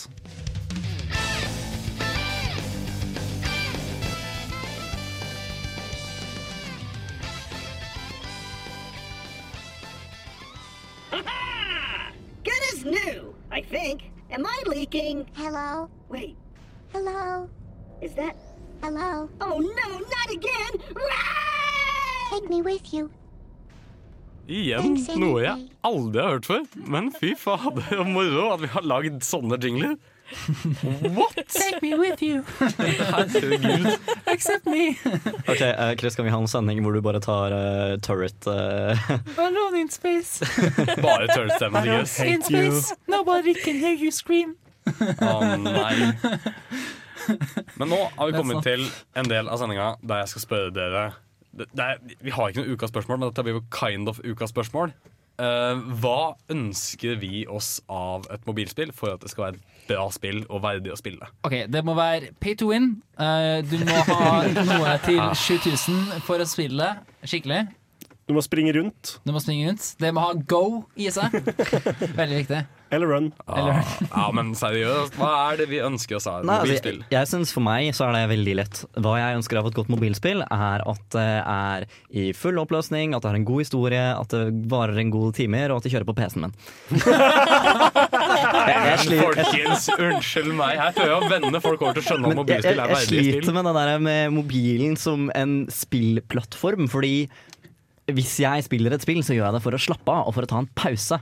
Og da sitter jeg ikke der med den kronglete lille greia i henda. Da De er jo ikke kronglete eller små lenger. Nei, jeg vet det, men altså da, da vil jeg ikke sette meg ned med mobilen hjemme. Og de, de gangene jeg skal sitte på bussen, så føles det så Det føles så kjedelig å bare liksom skulle sprekke ballonger Nå skal, eller jeg, nå skal jeg være litt sånn bestemor i huset. At mobiler har jo så å si blitt datamaskiner, da. De kan jo gjøre alt. Ja, men det, at det er jo Martin som høres ut som bestemora her, som er liksom sånn gretten som Nei, vil ikke være med på den nye teknologien. PC Master Race. Da jeg var ung, så hadde vi Snake på telefonen. Og det var nok, det. Ja, vet du hva, jeg, jeg Du får Snake, Snake på telefonen nå. Du får Snake på telefonen nå. Du kan til og med få agar.io på telefonen din. Da har du en annen type Snake. Nei, det det er ikke Snake. Det var uh, Rio Altså, ærlig talt. Alt jeg ønsker meg fra et mobilspill for at det skal være bra, er sjel. Altså, At det ikke virker at du ikke starter spillet og så tenker jeg sånn Her er bare en cash grab. Her, her er bare en, sånn, noen som kaster seg på en trend. Her er noen som har lagt liksom arbeid og kjærlighet inn i et spill og har brakt et konsept som de elsker, til en ny plattform. Og det er det jeg vil ha fra et mobilspill. Det er en følelse av at det er et spill som noen har lagt noe kjærlighet i. Så pøv Fireproof sine spill. Ja, jeg, jeg syns det er Altså jeg er helt enig med deg, altså, Maren. Jeg ønsker at det er et spill jeg skal føle at ikke bare er eh, simpelt, eh, og liksom at det ser stygt ut og bare ser ut som noen har kasta det sammen på en, en sen kveld. Jeg vil at det skal være gjennomført, jeg vil at det skal ha noe mer. En god historie, noe som utvikler seg, noe som jeg liksom kan sette meg ned og, og utforske. Da. Men igjen, problemet er at eh, da setter jeg meg på PC-en, så må, samtidig må det være noe som er greit nok å hoppe inn og ut av til at det passer inn i hverdagen min. Og det er litt sånn motstridende, fordi på den ene siden ønsker jeg noe som jeg kan bruke for et skikkelig avbrekk, og på den andre siden så ønsker jeg noe som jeg kan i så fall ha med meg on the go. Så jeg, skjønner at det er veldig vanskelig å skape gode mobilspill med den samme dybden hvis du skal kunne gjøre det Altså at det er en større gruppe enn de som liksom aktivt engasjert gamer på telefonen, som skal være interessert. da. Altså Det som setter mobil som plattform, det som gjør det unikt, og det som gjør spillene på mobil unikt, er at ikke bare så har så å si alle en, eller i den vestlige verden, her i Norge, da, en mobil eller en smarttelefon smart med seg. Man har allerede det for å, det fra spillet. spille. I tillegg så, det, så har man touch input, sant? Så man har, det er en plattform som gjør veldig mye unikt, og som man har veldig mange muligheter. Men likevel så er det sånn ja, hvorfor kan jeg ikke bare sperre dette på, på datamaskinen min? Spørsmålstegn. Det jeg vil fra et mobilspill, er jo egentlig at det skal se fint ut. Jeg husker første gang jeg så Candy Crush. Så tenkte jeg det her er sånn der Sony Eriksen-spill som er liksom eh, bare importert over på iPhone. Helt til jeg innså at oi, shit, er det her Candy Crush det alle har snakka om de siste måneden eller to? Og skjønt ingenting. For jeg vil ha et spill som ser fint ut, og som har et gameplay som liksom gjør til at jeg, jeg har lyst til å fortsette, men kan ikke liksom plukke når og da på bussen eller mens jeg sitter på do eller sånne ting. Når, liksom, når jeg har to minutter Ja, og det er det jeg vil ha et mobilspill. Jeg, jeg innser også alternativet til liksom de dype spillopplevelsene som du får fra ja, PC, for min del, da, eh, er fort at spillet må være sosialt. Um, det er ofte de spillene jeg har endt opp med at jeg har på mobilen min. Ting sånn som ja, Wordfeud eller Quiz Battle eller Draw Something. Da Draw Something kom, så var jo det kult, fordi du hadde liksom ingen andre plattformer hvor du hadde den touch-inputen og kunne være kreativ og tegne ting på skjermen, som er veldig annerledes følelse av å sitte med en datamus og skulle gjøre det. Mm. Uh, men samtidig så glir det fint inn i den der sosiale tilknytningen som jeg har til telefonen. At jeg sjekker Facebook, jeg sjekker Snapchat og jeg sjekker Quiz Battle. Det, det høres kjempebra ut, men sjøl så syns jeg egentlig at uh, det, det som gjør et mobilspill for meg, er at en kan ta oppvasken og bestille biffmiddag. Det, det hadde gjort dagen for meg, altså. Så du trenger apper og ikke spill, Ja, altså, altså? det hadde For det er gjort apper livet som gjør dette. Du, treng, du trenger liksom Du vil ha en stereotypisk kone i mobilform. Skaff deg nei. iPhone. Altså, Å nei! Dette Skal er en vei som jeg ikke har lyst til at det skal gå. jeg tror ikke Jeg det sa er stereotypisk. Ja, men det er litt alt, altså. Ok, eh, For å være stereotypisk gammel, så savner jeg eh, at mobiler ikke har eh, noe annet enn touch input. For at jeg synes det, er, altså jeg synes det er skikkelig ekkelt å spille uten å ha noe fysiske taktil feedback. Eh, altså for eksempel, det er mange som har tatt og overført eh, Square Enix har overført eh, Final Fantasy eh, til mobil. Men det fungerer ikke, for liksom, du har liksom eh, kontrolleren på skjermen. Men for det første så dekker dere nesten sånn 70% av hele skjermbildet, bare kontrollene. Også i tillegg så er det sånn at du skal prøve å treffe, da, og plutselig så har du eh, kommet bort en annen knapp, men du merker det ikke, for det er jo bare på skjermen. Det er jo glass. Det er ikke noe fysisk knapp. Men her finnes det også alternativ. Um, Ja, det kan også være en Du- game-kontroller. Ja, akkurat det. For det finnes, jeg har eh, sett et par som sitter med Android eller Samsung-telefoner som har skaffet seg Bluetooth game-controller som de sitter med på bussen. Og jeg sitter alltid og tenker to ting. Det ene er sånn Herregud, hvem, hvem sitter og gjør det? Og hvor kan jeg skaffe meg en? Og så er det ikke alle spill som er basert på at du har controller på skjermen, eller at det er bevegelig sensor. For det er noen spill som er sånn der du kjører en bil ved å bevege telefonen din fra side til side. Åh gud, det var Det er verste. Når det var liksom når, når det kom så morsomt! Nei. Når, når det kom gyro til eh, iPhone, og du liksom ikke oppdager om du tilta telefonen, da kom det ut sånn massevis av sånne derre Å, vipp telefonen for at du skal gjøre noe kult! Tilt Quest. Nei.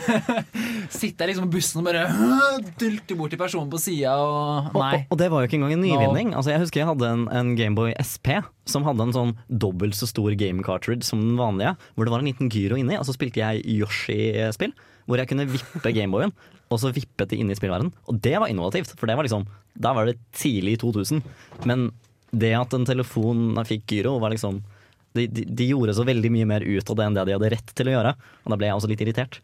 Altså, jeg vil ta den eh, Jeg elsker sånne gyro, sånne bilspill der du styrer bilen ved å vippe telefonen eller iPaden. Jeg husker på iPaden min så har jeg sånn, eh, sånn Need for Speed-lignende. Der du liksom har en sånn bane som du må fære rundt på, og så har du sånne ulike events, og så kan du vippe iPaden. da Og det er skikkelig immersive. Jeg føler at det er jeg som kjører, og det er dritkult. Jeg, jeg må spørre oss, Maren, er du da en av de folka som har på eh, AR i Pokémon GO, og som liksom står og spinner på stedet og holder telefonen i helt sære vinkler for, for å fange Pokémon, eller skrur du det faktisk av? Nei, jeg Altså, Da er det ikke morsomt lenger. Nei, men også ærlig talt, her er en forskjell. Jeg synes det er så kleint. Det ser ut som du tar bilde av folk, og av og til så ser det ut som du tar bilde av skrittet til folk, for Pokémon er liksom for dumme steder. Det, det dummeste jeg vet om er at eh, når jeg var på videregående, så var det en greie at man trodde at man kunne gjemme telefonen fra læreren om du holdt den i pulten og så på skrittet ditt. Da, da hadde du kamuflert at du brukt, ikke brukt telefonen, da. Ja, for det ser, ikke, det ser ikke mindre suspekt ut at du sitter og ser på pungen din sjøl, liksom. Nei. I sånn en time. Hm. Nei. Nei, det, det jeg liker, det det spillet jeg syns var liksom mest innovativt på mobil, det var et spill som du kunne liksom med på Du skulle dodge obstacles. Det er sånn 3D. Du kjører liksom et romskip bortover en landflake. Og så skal du liksom dodge Men det var ikke det som var innovativt, da, for det er ganske standard. Men det var at den brukte force-touchen på iPhone 6S. Jo, ja, Så du kunne liksom Du trykker på høyre eller venstre for å ferde til hvilken vei. Men dess hardere du tråkka, dess fortere for du. Så du fikk liksom en sånn der veldig mye mer kontroll, og det likte jeg veldig godt. Jeg følte liksom jeg fikk kontrollert skipet mye bedre enn noen av den gyro, eller hvis jeg skulle hatt en sånn joystick som jeg skulle liksom prøve å desperat styre på den uh, skjermen. Jeg skal for første gang i sendinga være litt negativ. Det hørtes litt sånn det, hørtes, det hørtes litt sånn Nei, nei jeg tror ikke Nei. Forsearch er Jeg kjempekult. da. De satte jo sånn 20 ingeniører for å lage den ene funksjonen som som så vidt brukt. Ja, jeg synes det høres litt rart ut å kontrollere det, spill med det. det er en veldig gimmicky funksjon, men akkurat i det spillet så gikk det veldig godt. Ok, ja, for Jeg, jeg synes det høres rart ut å måtte styre det med hvor hardt jeg trykker på telefonen min. Jeg liker at jeg kan trykke på telefonen for å spille det, men hvor hardt syns jeg er litt merkelig. Jeg, synes, jeg elsker sånne gimmicks. Hver gang Nintendo kommer med en ny gimmick, så er jeg sånn yes, endelig. Og hver gang det er en ny gimmick på en telefon som spillet utnytter seg, og så er jeg sånn herregud, så jævlig kult. Altså, At noen tør å gjøre det. Jeg syns det er sånn som bringer spillindustrien frem, da. Rett og slett. Det er enig. Nintendo sine gimmicks har alltid liksom vært min favoritting. Det er sånn tablet og gaming samtidig. Jeg elsker det. Det er liksom Alle sammen bare sånn Nei, hva faen? Men jeg bare sånn Åh, Nintendo. Motion controls. Jeg bare elsker alt Nintendo har kommet med, egentlig. 3DS-en òg. Da har vi i hvert fall fått litt lite inntrykk på hva vi liker og hva vi ønsker oss av mobilspill. Så tar, vi tar en låt til. Right, Uh, en liten fugl fortalte meg at vi har en Scott Pilgrim-fan i studio. Uh, og jeg fant ut først nå at uh... Vi har, ikke, vi har ikke bare én, vi har to. Oi. Nei, vi har tre. Oi, fader. Iallfall, uh, TM har eh, sveisen til Scott Pilgrim og nesten Nesten, i hvert fall. Det ser eh, ganske- Og apparently spilt bass i perioden eh, det var en ting. Eh, så jeg tenkte at du kunne få introdusere neste låt. Ja. Uh, neste, neste låt blir da Skal vi se, litt langt borte. Skal vi se, Jeg ser ikke. Jeg har veldig dårlig tid. Jeg ser ikke. Another. Uh, another, another, another winter. Here we go. Miyano Maniguchi.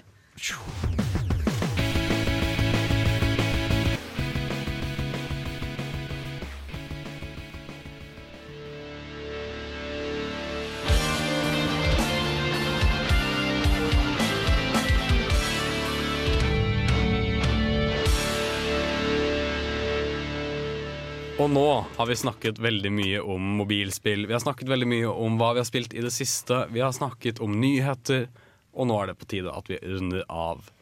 Men hva syns folk om programmet i dag? Hva syns dere som er her? Hva, Hva har dere lært i dag? hva har dere lært? Hva, Jeg har lært at jeg er en gammel bestemor som foretrekker PC. Men eh, Ah. nei, i all, eh, all seriøsitet, jeg tror mobilspill er nok undervurdert. Da. Det skal jeg kunne være enig i. Um, mobilspill er noe som man, eh, man legger veldig forskjellige ting i det, og jeg tror hvis man har mye erfaring med, eller mye interesse av spill generelt ellers, så vil man på en måte alltid prøve å sammenligne mobilspillet opp mot det. Man må skjønne at det er litt forskjellige arenaer, og at det ikke Det trenger ikke å være samme typen spill, men det trenger ikke nødvendigvis å være superenkelt for det. Jeg innser at det finnes mer enn Candy Crush til mobilen min. Hurra!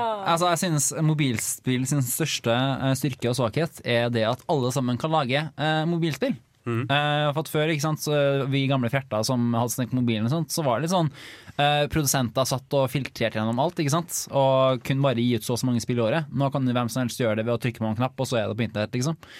Uh, så eh, Samtidig som det er så flott at alle får publisert ting, så er kanskje ikke alle som burde hatt kreasjonen sin. Stygt å si, men eh, eh, det blir en del, du må uh, vel, jobbe enda mer da, for å finne diamonds in the rough. da Ja, det, er, det merkeligste spillet jeg noen gang har spilt, var at du skulle sende en bæsj ned en sånn skihoppbakke, og skulle få den til å fly så langt som mulig. Og det er det dummeste spillet jeg noen gang har spilt. det er sletta det etter en sånn halvtime, for jeg var liksom i den halvtimen veldig interessert. Halvtime Jeg var litt interessert. Ja, for, jeg tenkt, for iPhone, liksom på Android, så må du liksom passe deg litt for, for malware. iallfall måtte det før i tida. Jeg vet ikke hvordan det er nå. Mens på iPhone så var liksom mesteparten trygt. Så var liksom, jeg bare tenkte det her ser så dårlig ut at jeg må bare prøve det. Jeg tror mobilspill for meg har tatt over den rollen som billige flashspill, flashspill hadde da jeg var liten. Da, for da, var liksom, da satte jeg meg, og så gikk jeg inn på armorgames.com eller hva det er. Og så Ja, fant jeg, 1-2-3-spill. ja, ikke sant? Og så fant jeg sånn eh, flashspill som kunne ha overraskende mye kompleksitet. Det finnes noen virkelige mesterverk av flashspill der ute. Men jeg har fremdeles til gode å se Mujaffas BMW på Å, Gud. Og så vil jeg Så vil jeg komme med en liten announcement som ikke veldig mange andre her i studio har hørt om heller. Oi. Jeg kommer nå fremover i ganske mange av Nerdeplassens sendinger til alltid å ha et mobilspill å vise fram til og fortelle om i sendingene våre. Lommerusk! Det blir Steinars lommerusk. Heyo. Så det er bare å se fram til at vi får litt mer mobilspill også på radioen. Og har du lyst på mer studentradio, så kan du også være tuna inn. eh, For at eh, rett etter oss nå, så kommer Sagtan. Sagtan spiller elektronisk musikk og stuff, så de er ganske flinke. Og spinner plata i en time for deg. Snakke om sånne uh, ting vi skal ha. Hva skjedde med dere Åse Rantom-ting-stikket mitt, som egentlig, eller spalta mi, som vi egentlig skulle Da er jo Rantom Star Trek hele dag, da. Nei, men og Space! jeg kan ikke gjøre det hver gang. Jeg vil ha sånn ukentlig sånn. Steinar snakker om mobilspill. Jeg ranter om et eller annet. TM Star Trek. snakker om Ikke, ikke dra med inn i det her. Vi har Han vil ha ei spalte! En lovende fremtid for eh, nerdeprat. Så følg oss på Facebook om du ikke gjør det ennå. Uh, stak oss, eller ikke stak oss. Og som er den Før vi eh, avslutter, kan jeg plugge anmeldelsen min igjen. Den heter Jeg, meg og meg sjøl og ligger på dusken.no akkurat nå. Vær snill og les den, så får dere uh, lest om Alone with you. Hi-hi. Sjølpromotering. promotering. And then nobody ate dinner that night. Men vi må nesten runde av. Så når, mens vi tar farvel, så skal dere få en av låtene på skiva til Pink, nei, fra Dark Side of the Moon. En skive av Pink Floyd som er ganske digg å sette på. Uh, det er Brain Damage. Eh, vi må dessverre ta kvelden, men eh, vi håper å se dere neste uke. Eh, da vet jeg ikke helt hva som skal med nå, men følg med på Facebook, så får dere vite det. Eh, inntil da. Ha det bra! Ha det, folkens! Spill mobilspill!